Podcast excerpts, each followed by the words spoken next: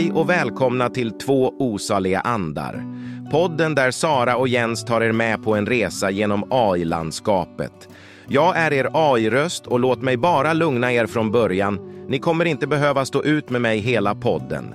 Jag är bara här för att ge er en försmak av dagens äventyr. Tänk på mig som den digitala trubaduren som sparkar igång föreställningen för att sedan ge över stafettpinnen till de riktiga stjärnorna, Sara och Jens. Ni behöver inte oroa er, jag ska inte försöka bli komikern här. Sara och Jens har all humor och insikt ni behöver för dagens avsnitt. Så, slappna av, sätt er bekvämt och tänk på mig som den korta öppningsakten innan huvudattraktionen. I dagens avsnitt kommer vi att dyka in i AI-djungeln för att utforska både utmaningarna och fördelarna som denna teknologiska framsteg bringar med sig.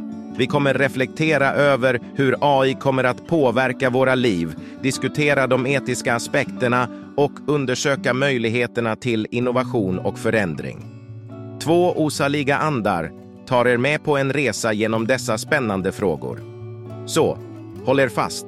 Vi är på väg att utforska framtidens landskap av artificiell intelligens.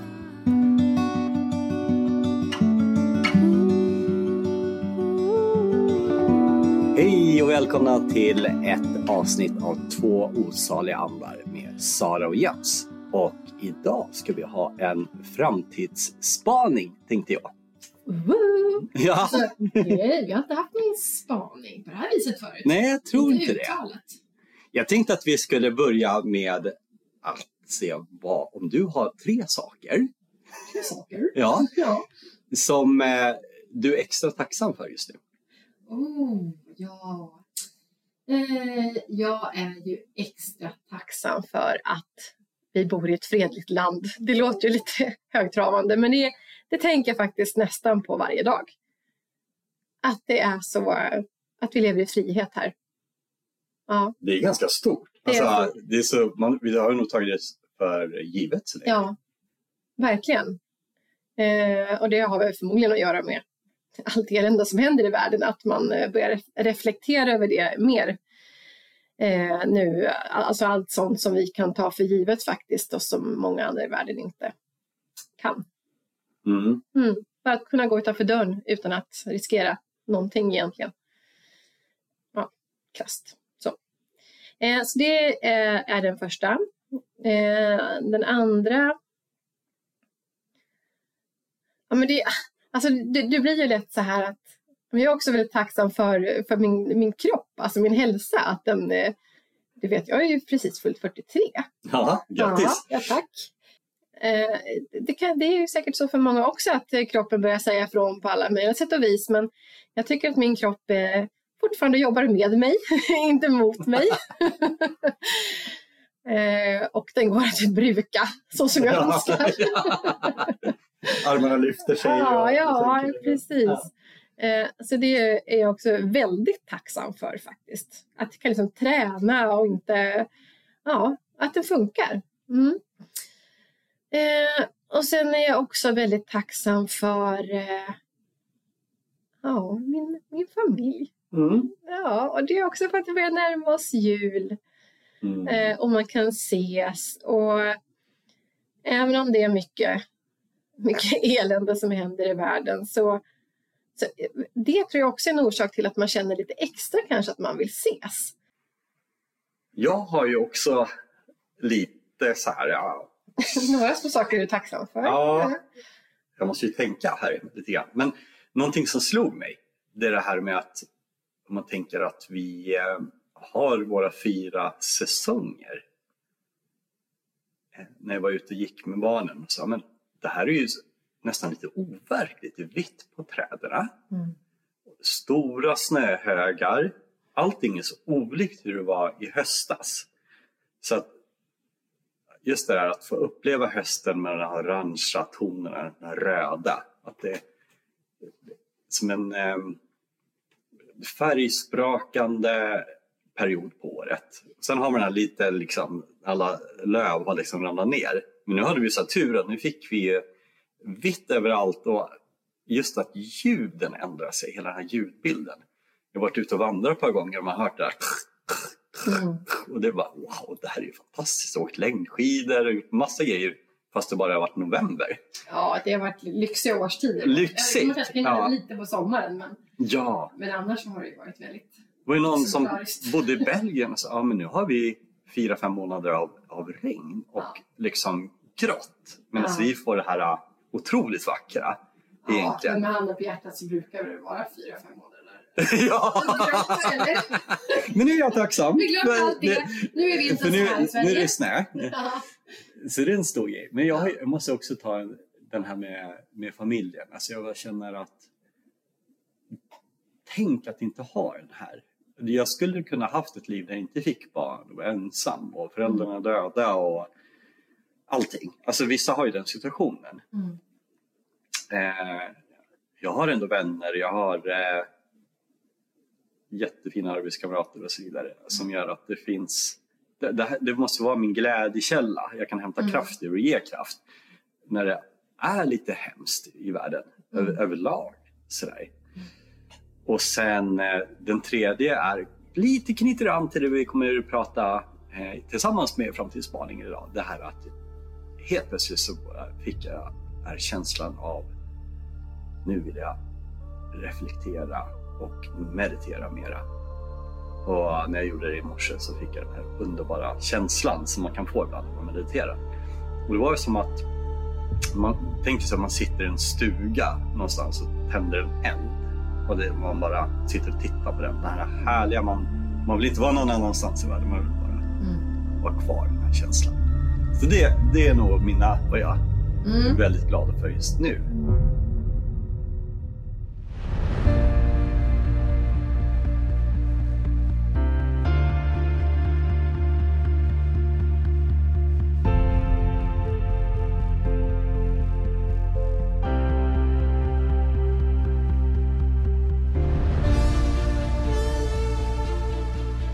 Vi har ju arbetat en hel del med AI. I, alltså vi använder AI både i hemmet och vi har arbetat med det på jobbet. Och det här är ju någonting som har kommit som en, en våg som många kanske inte varit beredda på. Det har gått ganska fort, hela Mm. den här utvecklingen. Och eh, eh, jag lyssnade på en väldigt intressant människa som eh, såg hur teknik, man kallar det för disruptive technologies, det är ett engelskt begrepp.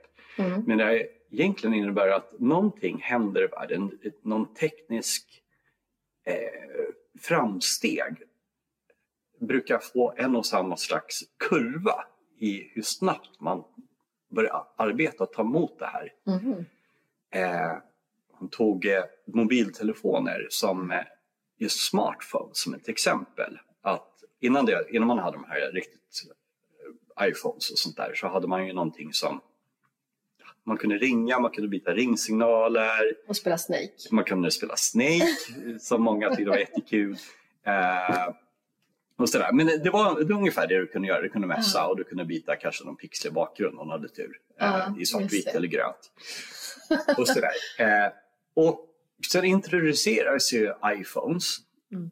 Och eh, det här var ju liksom en ny, ett nytt tänk, ett nytt... Alltså, Jag kommer ihåg så väl eh, det här, eh, när, här när det ryktades om att det fanns bara en knapp.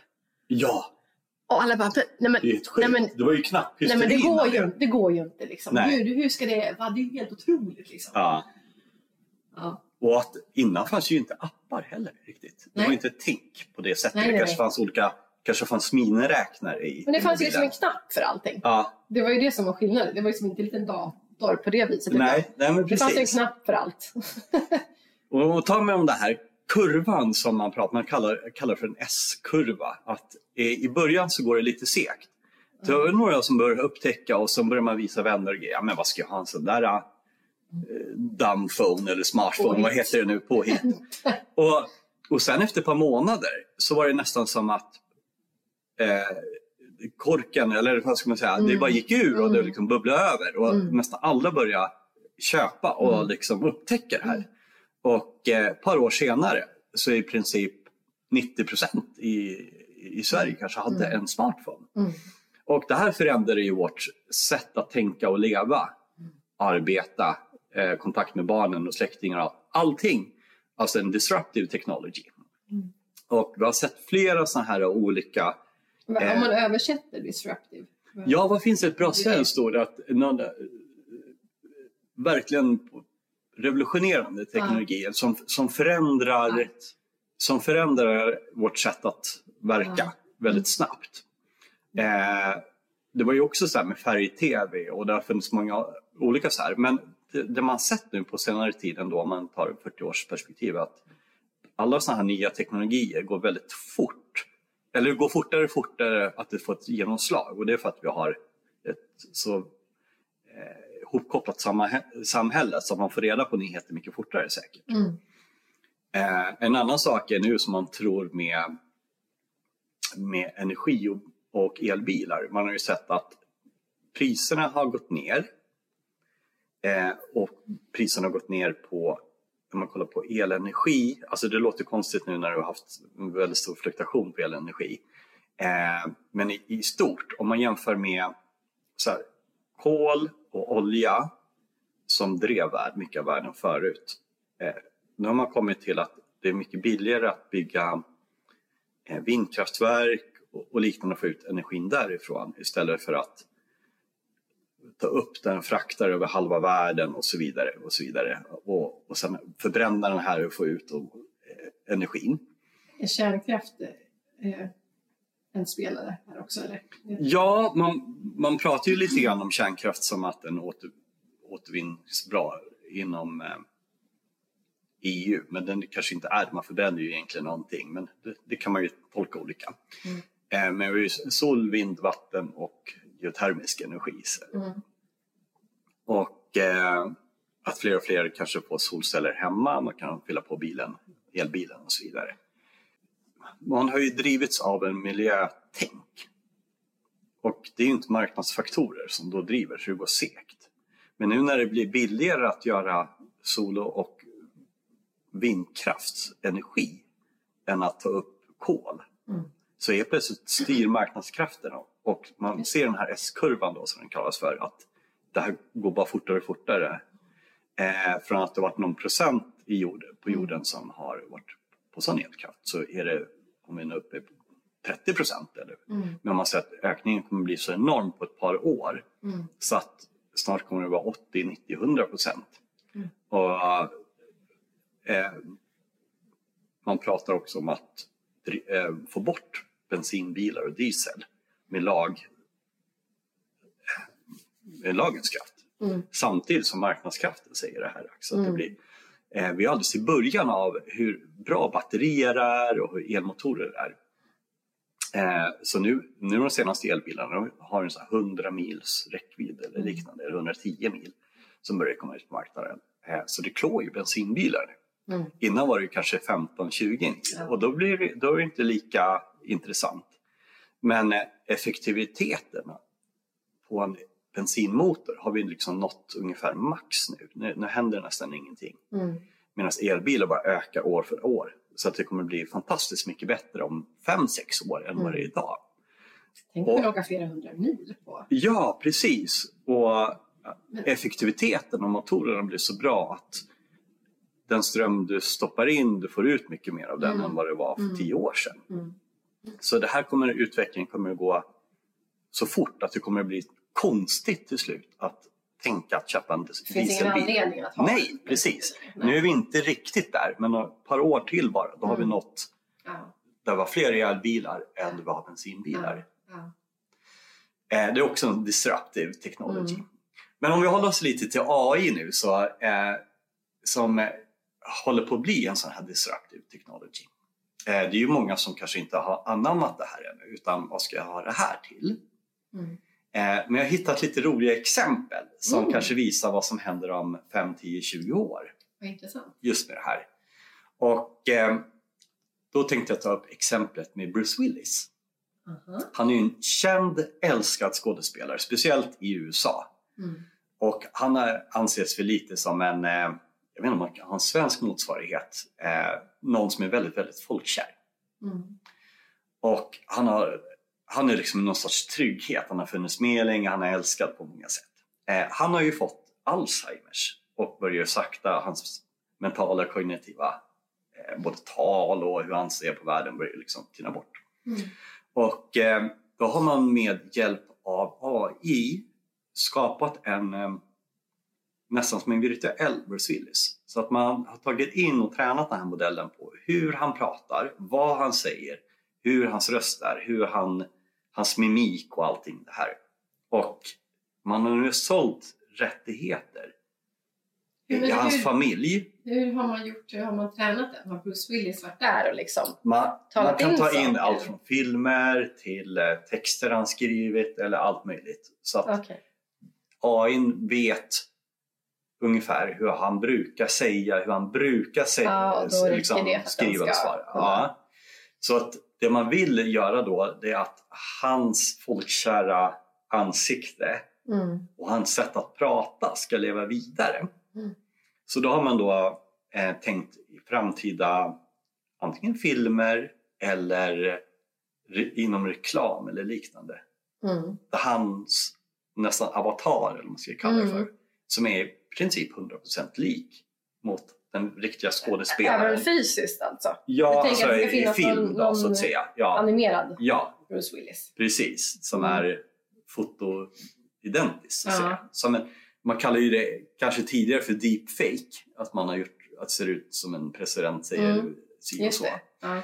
Men det som händer här lite grann, det är ju att minnet och personligheten bevaras i, med hjälp av AI till eftervärlden. Mm.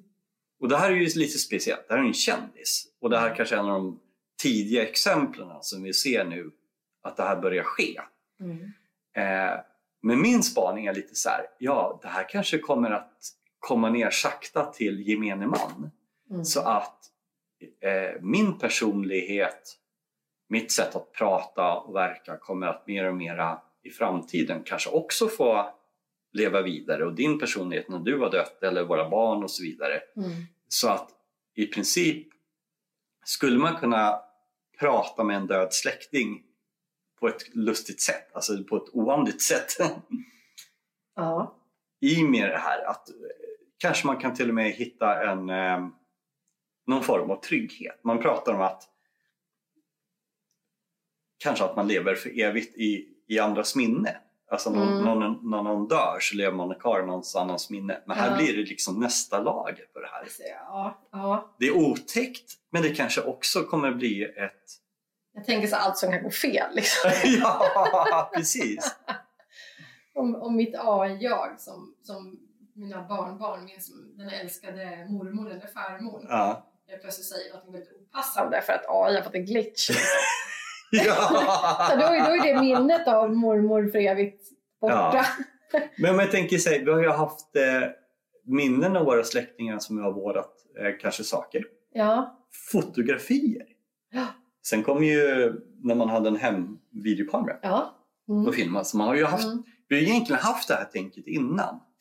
Fast, Jo, men då är det ju inte något projicerat. Det är Absolut. Som, ja. så det är frågan om det här kan bli nästa steg så att säga i hur eh, vi lever kvar, eller minnet av oss. Mm. Att det blir mera interaktivt, att man kan också fråga eller prata och diskutera. ja, det känns ju verkligen inte otänkbart. Nej, Eh, Det känns inte olustigt att tänka på det. Jag det- tycker är också det känns olustigt. ovan. Men eh, det var lite olustigt att tänka på internet och mobiltelefoner också en gång ja, i ja tiden. precis. Att man aldrig, alltid var kontaktbar oavsett Ja, var det var ja, i världen. exakt. Mm. Big Brother, hela den. Ja, ja precis. Så att det, alltså om man tänker sig de här naturfolken som pratar väldigt mycket om sina anfäder och liksom att de Mm. är döda och deras själ finns Mm. kvar. Mm. Här är liksom den tekniska varianten av samma Mm. eh, Alltså att vi vill att det ska finnas, att våra, vi ska ha kontakt med själar och Mm. liknande. Mm. Nu har vi, ser vi liksom på den andra änden av spektret där vi får samma behov tillgodosett på ett sätt. Ja, Att ha kontakter med de som inte finns kvar längre. men, men vi som tror lite på spöken och så. Ja, Eh, tror inte att det kan, liksom, om det nu skulle vara så i en framtid att alla, man har möjlighet att, ha sin döda släkting eh, antingen kanske projicerat på något sätt hemma eller eh, att man kan prata i alla fall med någon över en, alltså en dator eller Mm. någonting.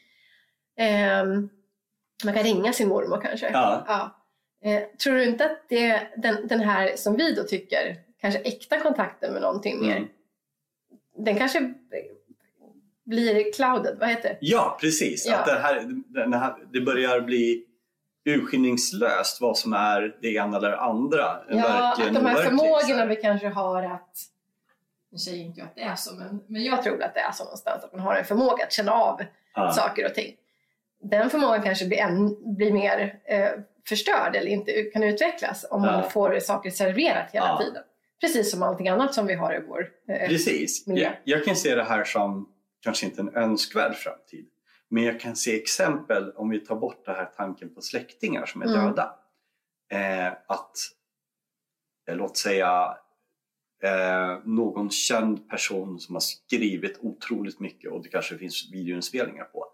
Låt säga Albert Einstein. mm, Att skolelever kan sitta och prata med, med Einstein ja, och han kan förklara vad han har gjort och upp, inte uppfunnit men eh, hans teorier och så Ja. vidare på ett sätt som är han. mm, Med hans utseende, hans dialekt, hans accent, hans maner. Du får en närmare kontakt och helt plötsligt känns det här inte lika otäckt.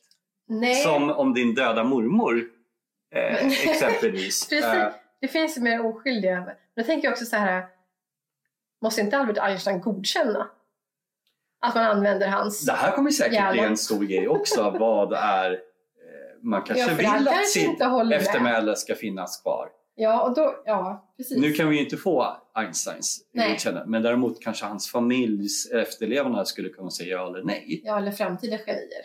Eh, Exempelvis. Ja. Så att det kan användas säkert till någonting positivt eh, som inte är så creepy. Ja. Om man tänker på det sättet. ja, exakt. Det finns ju, det är inte bara ytterligheter. Ja, du kanske kan finns- prata med George Washington i USA som en mellanstadieelev. Ja, eller Trump i framtiden. Ja, oh, ja. Hur tänkte du egentligen? ja, precis. Det här blir ju ingen bra.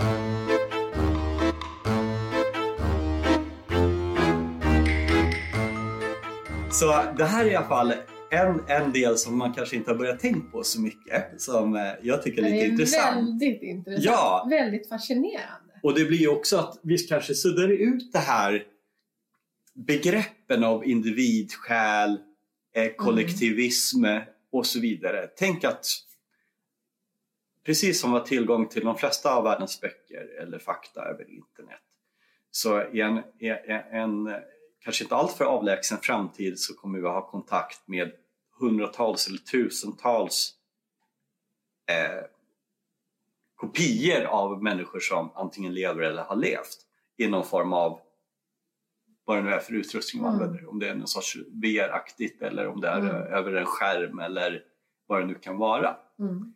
Eh, men bara, bara för att det går att göra så tror jag att det kommer hända.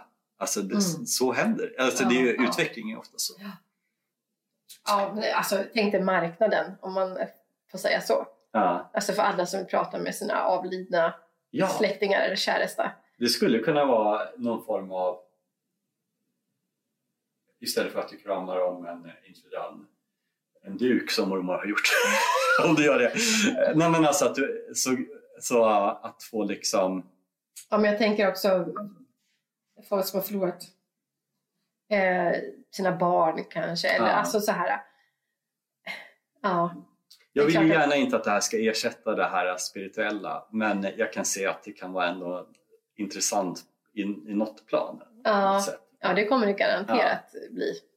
Ja. Eh, jag tänker också så här att ehm, det som kanske är mest känt ja, i, för oss vanliga människor är ju ChatGPT. Mm. Och för inte så många år sedan, eller bara ett par år sedan, så var det ChatGPT 2 och det var innan det blev stort. Mm. Den var inte jättekapabel. Den kunde ändå, att du kunde ja, ha en diskussion med den men den gjorde väldigt mycket fel. Och, så. och saker och ting slog igenom ganska stort, det var 3 eller 3.5 tror jag. Eh, Mm. och för er som kanske inte arbetat så mycket med AI så är det egentligen du kan ha en diskussion, du kan få den att agera som på något sätt. Eh, Den ska vara professionell, den ska vara rolig, den ska, du kan liksom Mm. ge den instruktioner och så kan du fråga den saker och den kan svara på ett visst sätt och den kan hjälpa dig. Eh, och idag har den kommit, nu har ju precis ChatGPT 4 kommit ut och den kan liksom förstå video, den kan förstå bild, den kan generera bilder. Du kan fota ditt kylskåp, eh, det som är inuti. Och fråga, kan du göra något nyttigt på de här, eh, ett recept på det? Och den kan liksom analysera, ah, okej det finns paprika, det finns mjölk, det finns, ja, då kan den ta fram ett recept. Eh, och det här är ju kanske en rolig grej, Mm. men det är liksom, nu pratar vi 2023. Vad händer med ChatGPT när vi är uppe i variant 8? Mm. För det man har sett nu när vi pratar disruptive technologies, det Ja. här fina begreppet, Mm. det är att eh, man ser ungefär en fördubbling i kapacitet varje år av Mm. saker och ting när det gäller hur snabbt en dator är eller liknande. Men när det kommer till AI just nu så ser man mer än en fördubbling. Man kan se en tre eller fyrdubbling av kapacitet varje år. Mm. Så att takten på den här S-kurvan, alltså att det går sakta i början, folk börjar inte använda den kan inte så mycket och sen skjuter den rakt upp i höjden Mm. med utveckling, Mm. är mycket snabbare än vad tidigare, alltså mobiltelefoner och sånt där, hur snabbt det har utvecklats. Oh, Så vad shit. händer med ChatGPT 7 eller 8?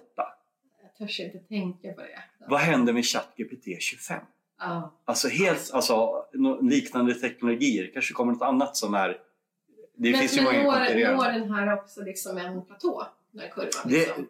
det, kommer vi, det är svårt att veta för att Mm. någonstans kommer AI bli så utvecklad att den kan utveckla sig själv ännu snabbare med en större kapacitet att tänka än vad vi människor har. Mm. Redan idag så ser vi om man ger ett högskoleprov till en AI i form av ChatGPT 4 Mm. så skårar den högre än, än absolut flesta människor klarar av. Mm. Ja. Så att kapaciteten är redan idag högre på vissa saker än Mm. människor. Eh, 2025, 2026 Mm. så har den gått förbi på många, många, många områden. Och eh, man har ju pratat, ja men sånt som vi som ras är så duktiga på, musik och teater, eh, skriva låtar och så vidare. Mm.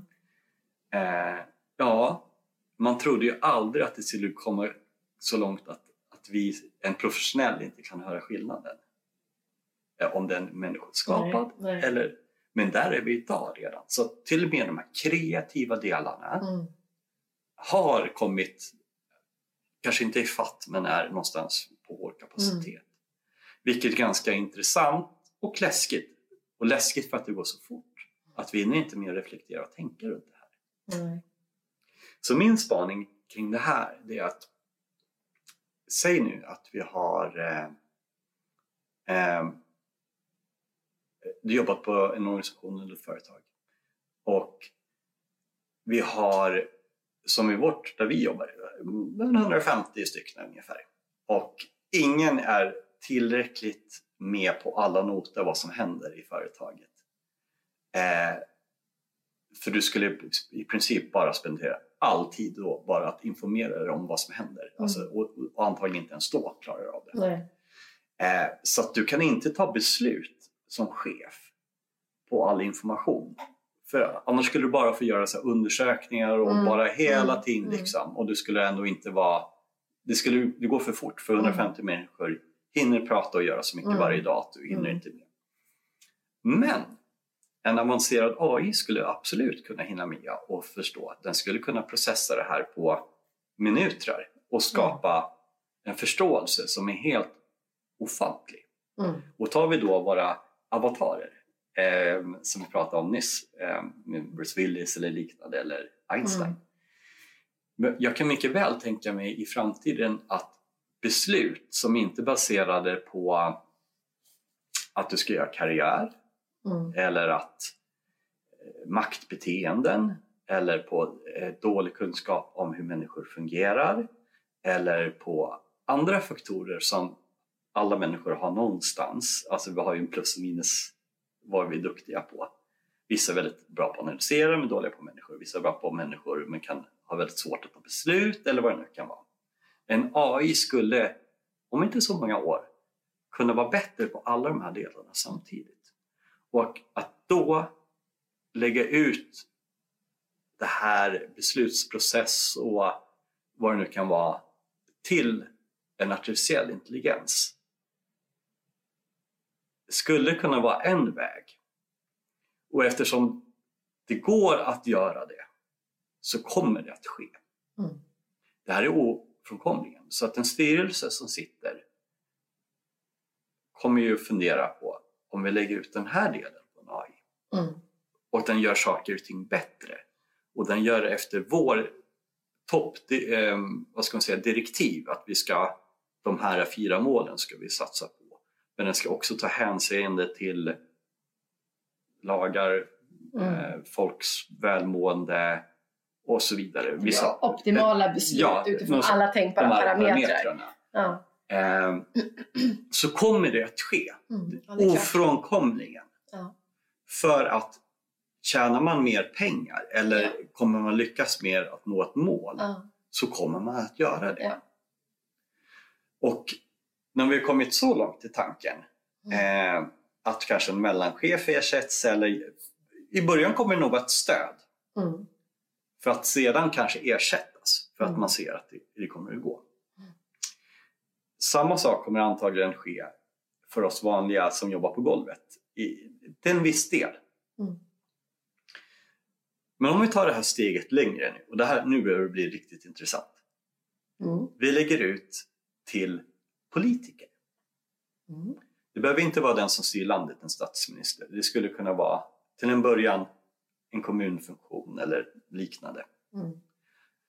Vi pratar ju idag om att politiker lägger ut löften och de har en valperiod på fyra år kanske mm. och den mm. kanske då tar kortsiktiga beslut för att kunna bli omvald. Mm. Den kan inte se, eller den har, vi människor har ju en uppfattning att långsiktigt det bra. Mm. Men tack vare systemet med, med mandatperioder eller populism eller liknande så tar man beslut som kanske inte är bra för kommunen i stort i, i längden. Nej.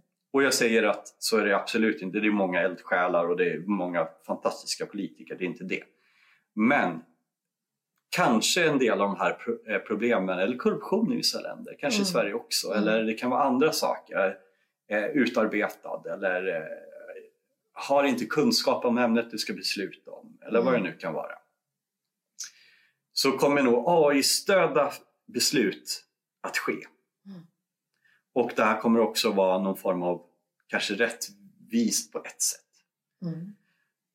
Men man kan inte släppa lös en AI mm. hur som helst så det blir helt koka, kokaburu. Utan det måste finnas någon sorts eh, toppdirektiv om vad den ska ta hänsyn till. Ja. Och i början tror jag att Eh, den måste ha stort, eh, vad ska man säga, ett, ett råd av människor och liknande som har någon överseende, eller vad ska jag säga, tittar i stort.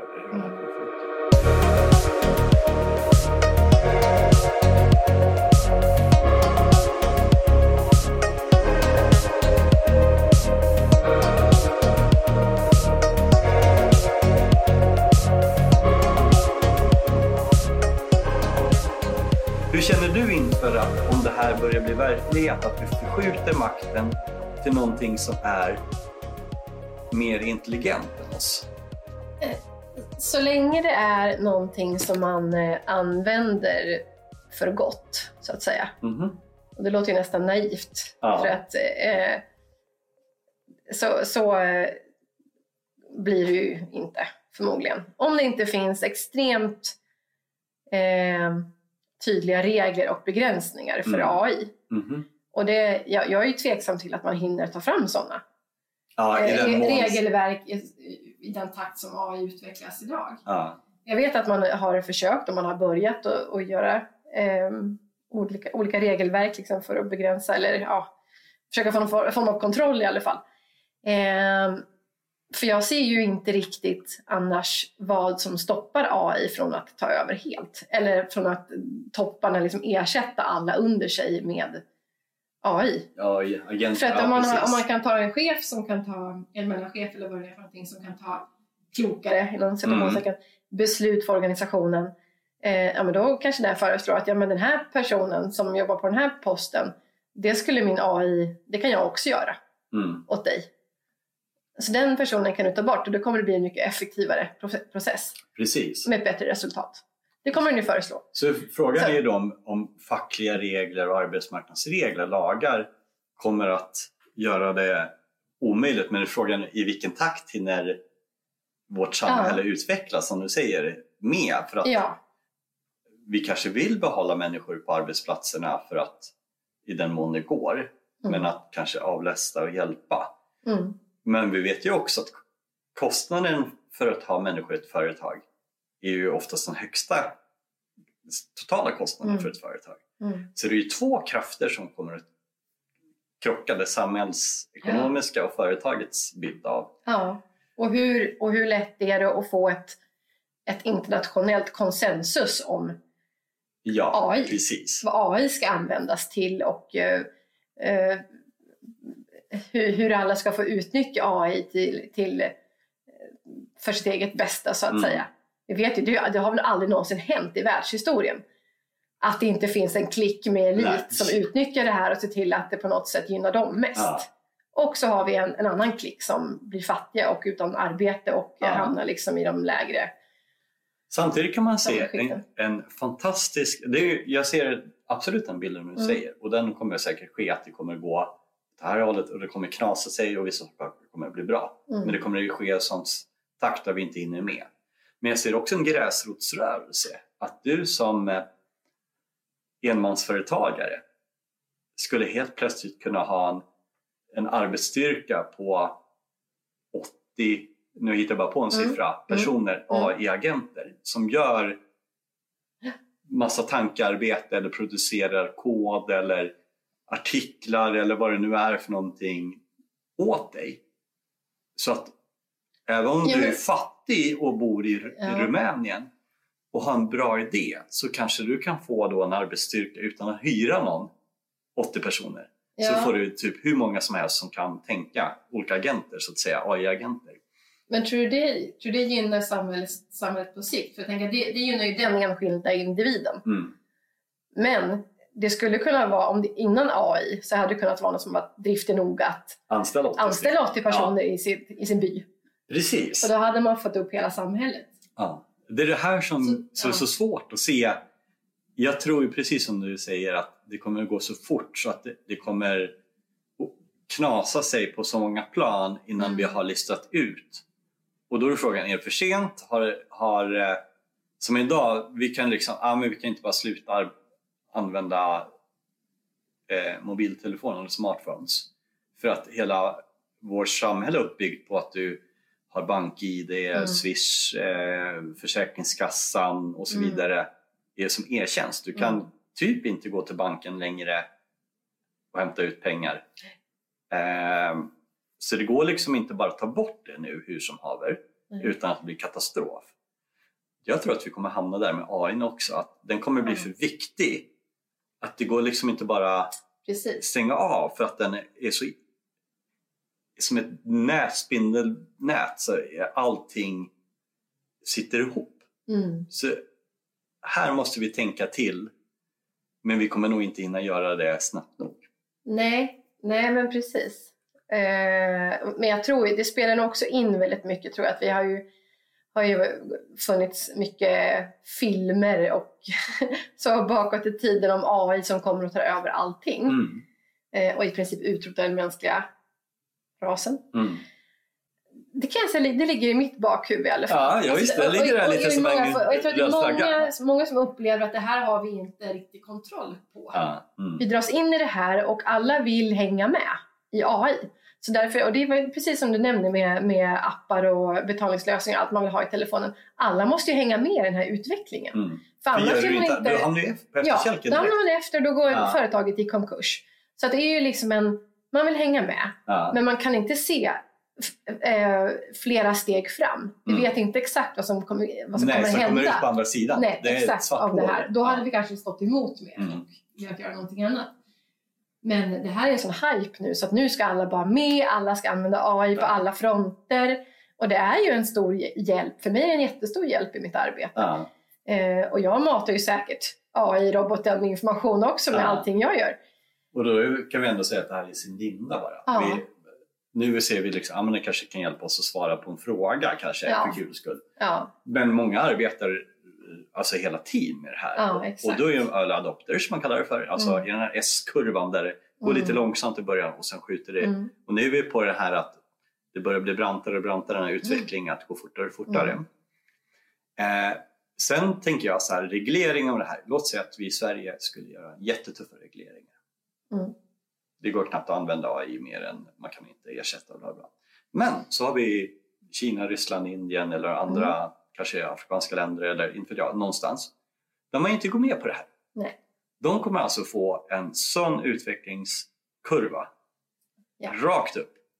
Så att vi kommer inte kunna stå oss Nej. jämförelsevis. Så därför kan vi, om vi inte har enhetliga regler över Mm. världen, Mm.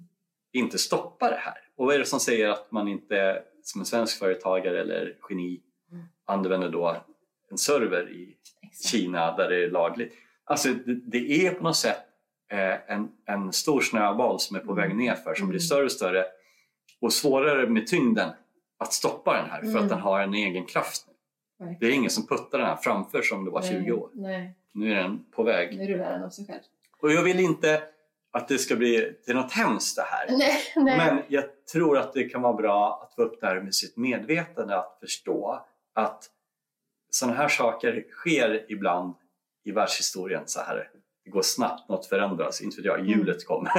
Kanske var en Ja, stor grej. för det. ja. Men, men det tog tusentals år sedan eh, Ja. innan det liksom eh, kom ut. Och nu pratar vi om 4, 5, 6, 7 år liksom, som att någonting händer. Ja. Det kan ju också vara så, tänker jag, att om det är en AI som, eh, som, som, är, som är tränad på något sätt då Mm. att, att vilja mänsklighetens bästa, Mm. Då kommer ju den AI kunna tala om att nej, men jag ska inte göra de här uppgifterna, utan det är nödvändigt att en människa gör det här för att inte jag ska få en för stor inverkan på systemet. Mm. Eh, så det är min rekommendation. Och då kan man ju använda det för att faktiskt skapa en balans i samhället. Mellan AI, ett Ja, ja, samförstånd men mellan. AI och människa. Ja. Jag tänker att ett kommande avsnitt ska vi prata om en motreaktion till allt den här tekniska utvecklingen. Åh, vad fantastiskt. Ja. Alltså Och det bara- behöver vi mer än någonsin tror jag. Ja. Den här, det som egentligen är själen eller hjärtat i, vårt väsen. Alltså jag har en inre längtan att spänna för en eh, ardennerhäst och eh, tända en eh, lykta? oljelampa, Ja. det kanske man inte får, Ja. men, men en liten kvast eller någonting. Ja. och ge mig ut till min, eh, min koloni ute i Ja. skogen typ, där jag odlar och har konserver Ja. och grejer. Det är precis det längtan jag också har. Utan För allt det här andra Ja. är något som så uppskruvat och snabbt vad som händer i världen. Ja. Att min känsla att också gå dit Ja. är så stark. Och det kommer vi antagligen prata om i nästa program. ja, men gud vad spännande. Tack, vilken insiktsfull och eh, spännande konversation vi har haft. Ja, Hej då!